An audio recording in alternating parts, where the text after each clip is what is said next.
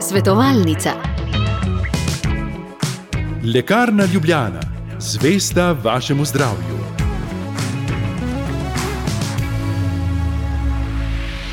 Dobro dan, drage poslušalke, spoštovani poslušalci. V današnji svetovalnici se bomo nekoliko dotaknili nedavnih poplav, saj so te prizadele tudi mnoge večstanovanske zgradbe. Kako poteka dogovarjanje med lastniki, kako je z delitvijo stroškov, pa tudi kako poplave vplivajo na nepremičninski trg kot tak. V tem v nadaljevanju oddaje v našem studiu namreč lepo pozdravljam Filipa Firbasa iz nepremičninske agencije Karniola. Lep pozdrav. Lep pozdrav sem. Pa najprej morda kar tole splošno vprašanje, se kaj pozna na trgu nepremičnin po teh nedavnih poplavah, je kaj čutiti malce zadržanosti med bodočimi lastniki, se pravi med kupci in med prodajalci, kakšna večja vnema za prodajo? Um, Bi lahko podal neko splošno oceno? zdaj, um, zagotovo prihaja do, bomo rekli, situacij, ki niso bile predvidene. Predvsem pa je zdaj uh, tukaj, bom rekel, rahlo zadržanje zaradi tega, ker ob tako obsežnih poplavah ali pa recimo ob taki škodi, ki je nastala, torej zavedati se moramo, da ni šlo samo, mislim, da seveda gmotna škoda ogromna, nepredstavljiva, pravzaprav, če nisi bil na tistih krajih, ampak tukaj gre tudi za premikanje nekih določenih meja, ki so bile. To je treba tudi nazaj vzpostaviti, dogovoriti se tudi na občinski ravni, pravzaprav na državni ravni potekajo razprave, kako zdaj urediti, bomo rekli, določene akte, da se bo te obnove lahko začele. Verjetno ste zasledili ali pa smo zasledili polemiko, kako zdaj z, z določenimi gradbenimi dovoljenji za objekte, ki so že obstajali, pa so bili poškodovani, naprimer mostovi in tako. Na kakšen način rešiti te zadeve? To je ena od zadev. Druga so recimo eh, stavbe, ki so bile, bom rekel, zelo poškodovane, meje, ki so bile odnešene. Eh, Tako da v, tem, v tej prvi fazi zdaj um, mislim, da nekega navala na nakup teh nepremičnin ali pa prodajo še ni, ker seveda najprej poteka ta intenzivna in bomo rekli obsežna uh, odprava škode, ki je nastala. Mhm. Mogoče preden uh, se še poglobimo v to, bi eno, um, kako ne rečem, zadevo rad izpostavil. Ne, vemo, nepremičnine so povezane ponavadi tudi z odnosi med ljudmi, z tem, kje je meja, dokot seže moje, dokot je tvoje, kaj kupim, kaj posestvujem in kaj ne. In uh, pravzaprav dve zelo, zelo podobni zgodbi uh, sem zasledil in sicer v eni večstanovanski stavbi sta bila recimo dva seseda, z- vsi precej v laseh. Pa ne zaradi tega, ker ne bi vedela, kaj je čigavo, ampak odnosno, recimo. Ne? Življenjska stvar. Pač tako, nesporazumi, ki jih niso uspeli razrešiti. Ko je eden od teh lastnikov opazil, da zaliva klet in da je avto drugega soseda še vedno tam, je pač šel, recimo, pozvoniti in rekel: hej, lej, zaliva, poglej, tvoje avto je še tam, kako kaj. a ne." Um, v končni fazi nobeden od njiju ni uspel rešiti svojega avtomobila. Ampak uh, že sama ta gesta je, bomo rekli, podrla jez, ki je stal med njima in je v bistvu njun odnos na nek način drugače zaživel. Seveda je težko, seveda soočati se mogla potem z drugimi zadevami, ampak uh, vseeno je, bomo rekli, ta značaj slovencev, ki pač kljub temu, da smo recimo lahko skregani, ampak ko je pa treba potegnemo skupaj, pravzaprav se pokazal in stopil v ospredje. In pravzaprav še ena zelo podobna zadeva je bila v, uh, tudi v eni uh, hiši, v enem dvojčku, kjer se tudi soseda nista mogla zmeniti, niti pozdrav ni bil, recimo, med njima uh, domač. Ampak ko je eden opazil, da drugemu teče ob 4 zjutraj, je bilo to si, to si lahko predstavljate, ne eni so mirno spali, uh, je pač pozvonil in je rekel: Poglej, uh, nam teče, vam teče, rešite, kar se reša da. In tudi tukaj uh, sem prepričan, da imamo polno enih pozitivnih zgodb, ki um, so kljub vsemu, kar vsej tej, um, tej res zelo zahtevni situaciji, nekako pripomogle k temu, da smo mogoče tudi kakšne stvari um, odnosno uspeli vzpostaviti na nov način, ali pa jih zdaj na novo izgrajujemo. Kakšne bojne sekire so se zakopale. Ja. Tako, tako. Zdaj, če smo se recimo na neko odpravo škode mal um, usmerili, to je bila vezana na neko medosebno, ne, kjer je lahko prišlo seveda tudi do kakšnih pozitivnih stvari. Um, druga zadeva je pa odprava gmotne škode.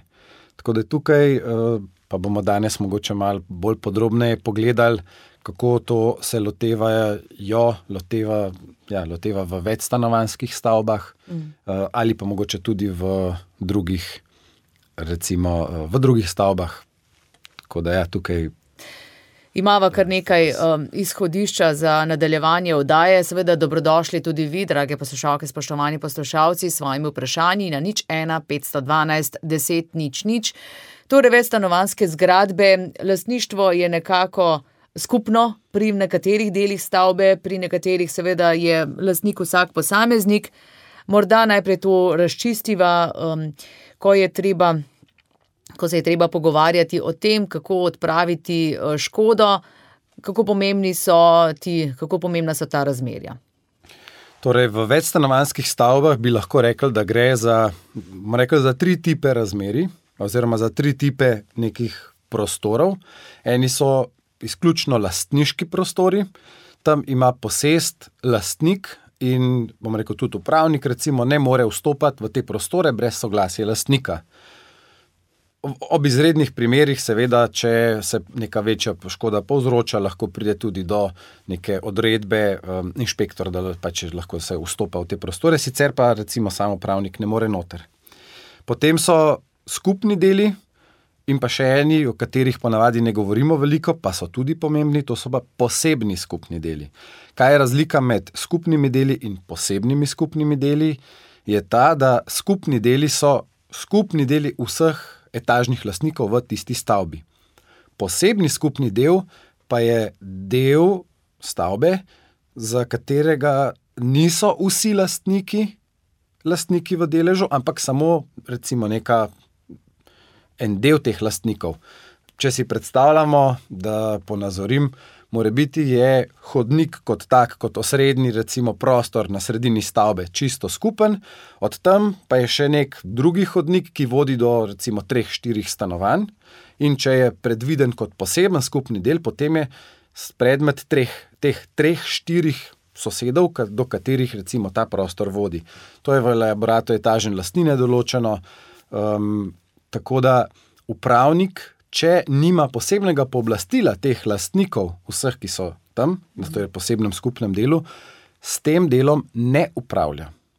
Upravlja pač s celoto. Če pa ga seveda ti lastniki za to pooblastijo, oziroma sklenajo pogodbo, da bo tudi to upravljal, potem tudi to. Zdaj, zakaj recimo ta delitev? Zato, ker pomembno je, da ko bom rekel, pride do nekih posledic odprave te škode, tudi v kleti je lahko tako, um, je upravnik na nek način zadolžen za skupne dele. Za tisti del, ki je poseben skupni del, pa je vprašanje, če je zadolžen. Tako kot recimo, zagotovo ni zadolžen za, uh, bomo rekli, poseben, izključno lastniški del, v primeru, da imate recimo čist svojo lastno klet. Mm. Če pa, seveda, no, tukaj lahko so neka prehajanja, če je tudi ta vaša klet, predmet odprave, recimo po skupni zavarovalni polici celotne stavbe, na kateri so tako skupni deli, kot tudi posamezna etažna lastnina, potem v tem primeru in seveda upravnik za vas. To, uh, je sklenil to polico in to polico tudi, bom rekel, izvršuje, kar se pač tiče, uh, bom rekel, odnosno, kar se tiče te odprave. Potem je tudi tisti del, seveda, vključen. Mm. Morate pa tudi zagotoviti dostop do tega dela. Ne? Se pravi, ko recimo, imamo primer neke večstanovanske zgradbe, kjer je bila zalita kletna etaža, kjer so recimo posamezne kleti, kjer so tudi garaže, tudi take primere imamo, um, parkirna mesta, recimo, so verjetno del te skupne lastnine ali kako. Je zelo različno, verjetno. Ne? Zelo različno, to je od stavbe do stavbe odvisno. Um, veliko krat te novejše stavbe imajo, bomo rekli, določeno, da je lastniško parkirno mesto. Mm. Se točno ve, da to parkirno mesto je od tega lastnika in je tudi upisano tako v zemljiško knjigo, kot na Gursu, ima svojo ID številko. Torej, ni, um, je to pač izključno lastnina. Treba je pa tudi vedeti, da pod, recimo, rekel, taka stavba ima določene, bomo rekel, dele, temelj. Recimo, če je temelj spodaj pod našim parkirnim mestom, je tisti temelj še vedno predmet vseh etažnih lastnikov. Ne? Torej, če je tam neka uh, težava nastala in rekel, obstaja ta težava, um, če tudi je naše parkirno mesto, recimo, zgoraj, pa so pa rekel, velikrat pride do teh debat. Aha, torej na nek način asfalt je moj, ostalo spodaj pa ne. Bom rekel zelo lajično, to lahko predvsem lajično um, rečem, da drži. Ampak tudi asfalt je, bom rekel, posamezna lastnika, uh, vendar ne na način, da lahko z njim razpolaga čisto tako, kot hoče. Recimo, če bi si nekdo želel postaviti neke uh, stebričke, zato da bi si to zavaroval, svojo lastnino. Mora paziti, ker če bo malo pregloboko zavrtel, lahko poškoduje temelj, oziroma pač lahko poškoduje skupno, spodnjo ploščo, ki je že skupna, lahko vem, predre hidroizolacijo in iz tega nastaja potem še večja škoda, ki pa jo je potem dolžen odpraviti, ker se je to pojavilo, recimo zato, ker je on to želel. Mm. Ampak zdaj v tem primeru, če govorimo o neki posledici uh, škode, neki škode, ki je posledica teh poplav, uh, sem pravzaprav prepričan, da imajo tukaj um, upravniki kar nekaj navodil, tudi strani ministerstva. Uh, tudi splošno, recimo mi, kot uh, nepremičninske agencije ali pa drugi, rekel, druga zainteresirana javnost, smo uh, zdaj kar vabljeni na več različnih debat o tem, kaj pomeni ta interventna zakonodaja, v kakšnem delu spremenja, bomo rekli, neko redno poslovanje. Ehm, in znotraj tega se pač udeležujemo tudi določenih dodatnih izobraževanj, ki nam pomagajo pri tem, da lastnike, rekli, bolj pravilno usmerimo, oziroma lahko nudimo bolj strokovno in tudi bolj točno uh, pomoč pri urejanju teh medsebojnih razmerij. In vem, da upravniki zagotovo so tudi na ministrstva že naslavljali kar nekaj dopisov.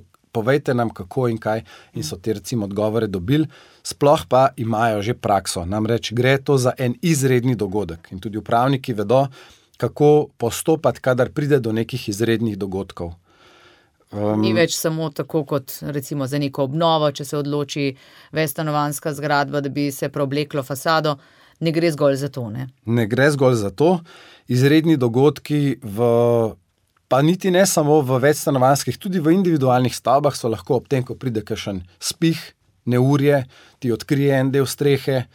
To recimo je lahko, je zagotovo izreden dogodek, ki bomo rekli z nekimi rednimi, eh, ali pa bomo rekli drugače.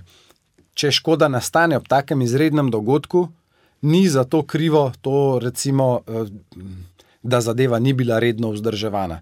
Tudi če je bila redno vzdrževana, seveda lahko prije do takih škodnih dogodkov in temu rečemo izredni dogodek. Tam sem sodijo tudi kakšni izlivi vode, um, ne vem, torej recimo poči neka um, cev v steni, in se voda začne izlivati. To je nek izreden dogodek, za katerega ne moremo reči, da je neka uh, subjektivna krivda. Mm -hmm.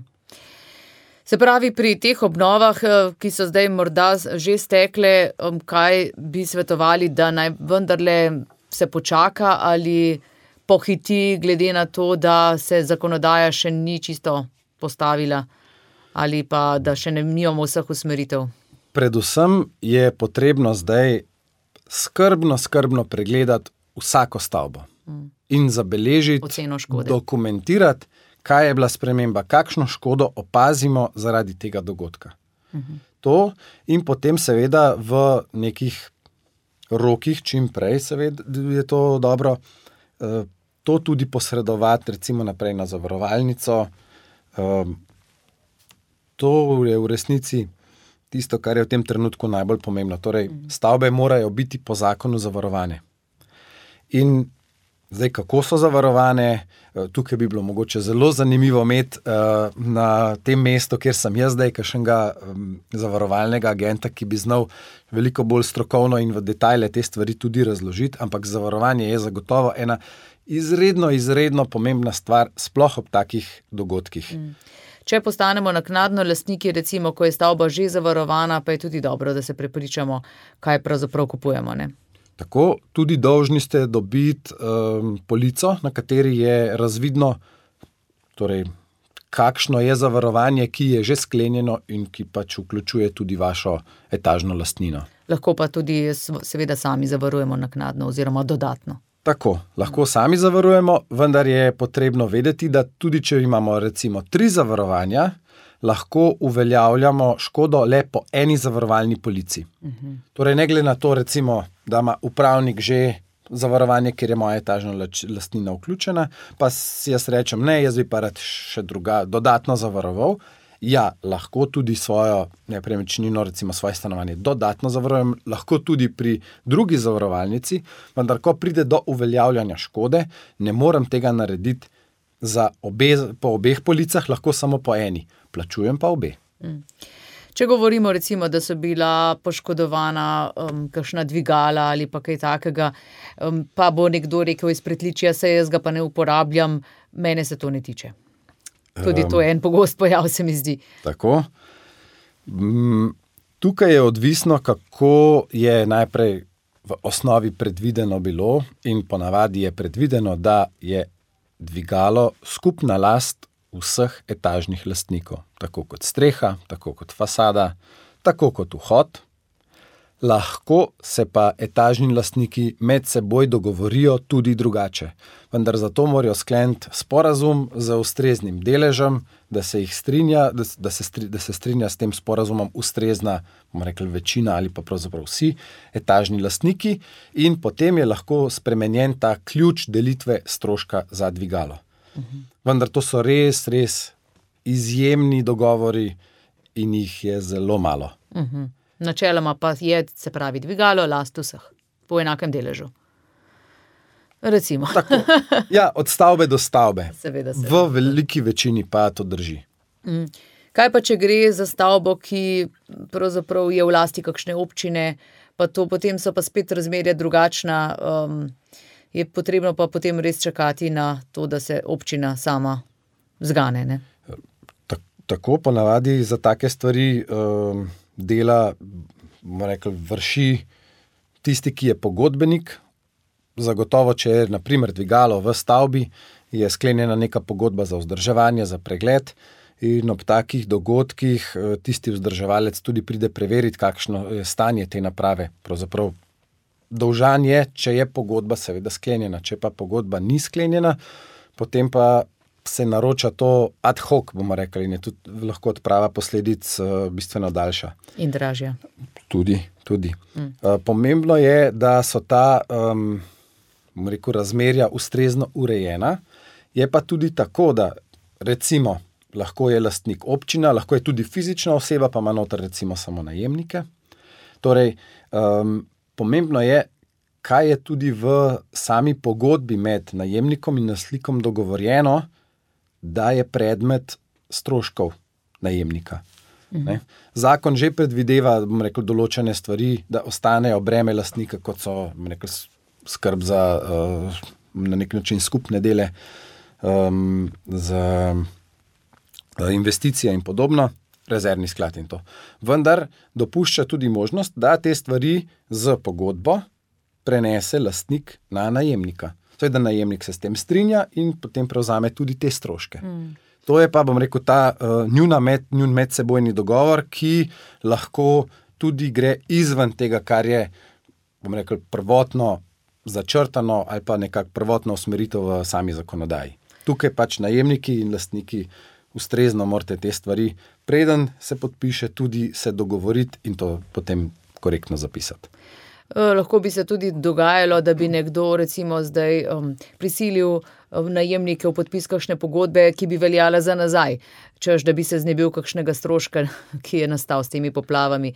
Uh, tudi tukaj recimo bi velja biti previden, ne, kaj dobimo od podpis zdaj če smo neki najemniki stanovanja ali kakšne druge enote v kakšni stavbi. Eh, zagotovo je zelo pomemben datum, ki ga podpišeš, ampak sklepanje pogodb za nazaj to. Um, Smrdi.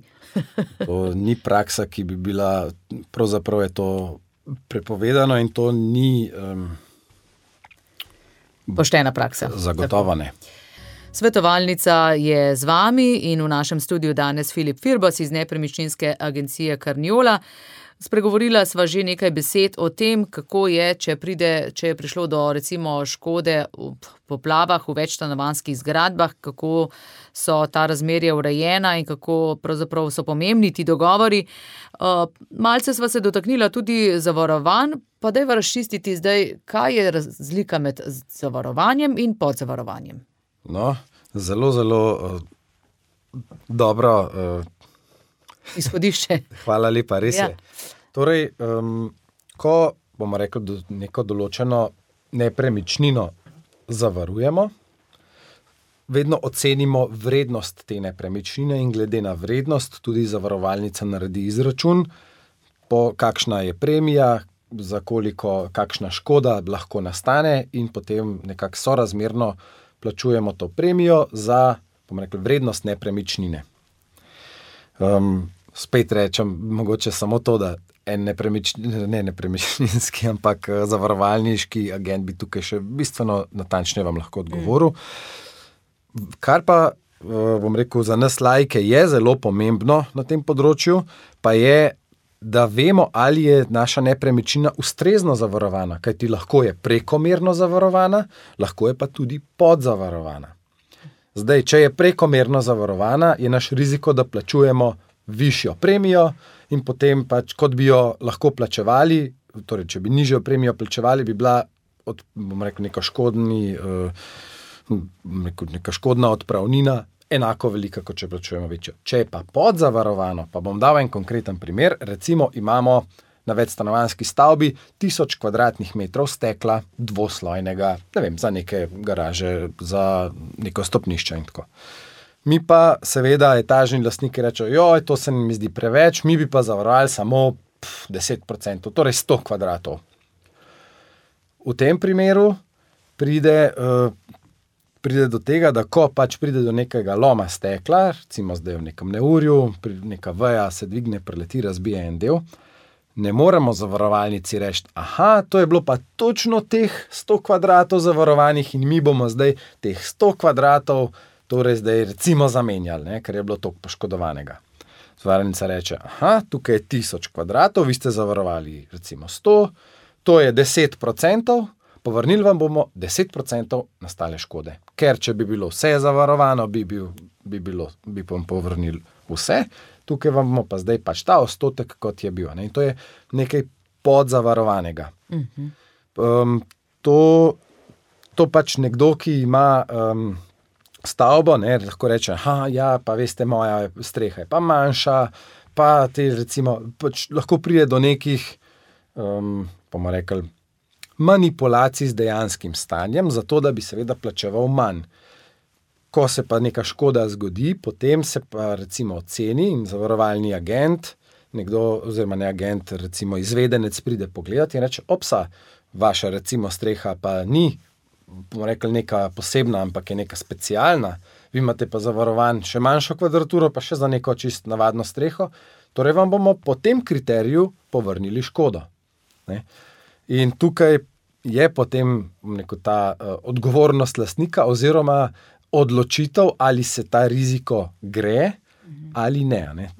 To pomeni podzavarovano. Tudi če je eh, prekomerno zavarovano, recimo, da um, zavarovalnica reče, da vaša hiša je pa vem, vredna 500 tisočakov, pa je v resnici 200, to ne pomeni, da bomo dobili potem povrnjeno toliko več. Zagotovo ne. Mm. So razmerno nekako za nastalo škodo. Mm -hmm. um, načeloma se zavarovalnice tudi ne smejo iz tega, da bi ne vem kako zelo nadzavarovale stvari ker je to pač del njihove strokovne odgovornosti. Če bi do česa takega prišlo in to prijavimo na agencijo, so tudi za zavarovalnico kar um, hude sankcije lahko. Kaj pa glede premičnin v teh nepremičninah, pa, kako pa to lahko uveljavljamo, oziroma um, kaj velja za nje? Uh, na splošno, polica sklenjena za nepremičnine ne velja za premičnine. Veliko krat pa se dogovorimo, da tej obstoječi nepremičninski policiji dodamo tudi kakšen element večje vrednosti, ki je premičnina. Naprimer, imamo zaradi službe računalnik, ki je više vrednosti, ne vem, 5, 6, 7, 8 tisoč evrov. In takrat se splača razmisliti tudi, če v nekem um, obsegu zavarujemo ta del, recimo ta računalnik, ali ne vem, proti udaru strele, torej neki nihanju v napetosti, ali mora biti, kaš, če smo na poplavnem območju, tudi za poplavo. Um, tako da tukaj potem se te premičnine posebej zavarujejo. Ali pa ne vem, imamo klavir v kleti, kot smo videli v Menkšu, dve delavnici, kjer so bile tudi klaviri posameznih strank na servisu, pa je to zdaj vse skupaj zalilo. To so v bistvu res um, hude, hude stvari. Uh, nekoliko ti pomaga, če bomo rekli, imaš neko premičnino večje vrednosti, tudi v nekem deležu zavarovano, vsaj toliko, da dobiš nekaj sredstev nazaj. Um, če si recimo profesionalni glasbenik in potem nimaš vem, klavirja uh, ali pa pijanina za neko uh, osnovno, recimo, svoje svoje potrebe. Mm. Uh, gospod Filip Firbas, če zdaj le razmišljava še malce za naprej, uh, kaj mislite, kako bojo pa te izredne razmere vplivali na nadaljevanje nepremičninskega dogajanja na nepremičninskem trgu? Uh, bi veljalo biti bolj pozoren pri tem, kje kupujemo zemljišče za gradnjo hiše? Um, je lahko to zgodba, iz katere smo se nekaj naučili? Um. Zagotovo lahko vsako zgodbo jemljemo tudi pozitivno, tudi kot šolo.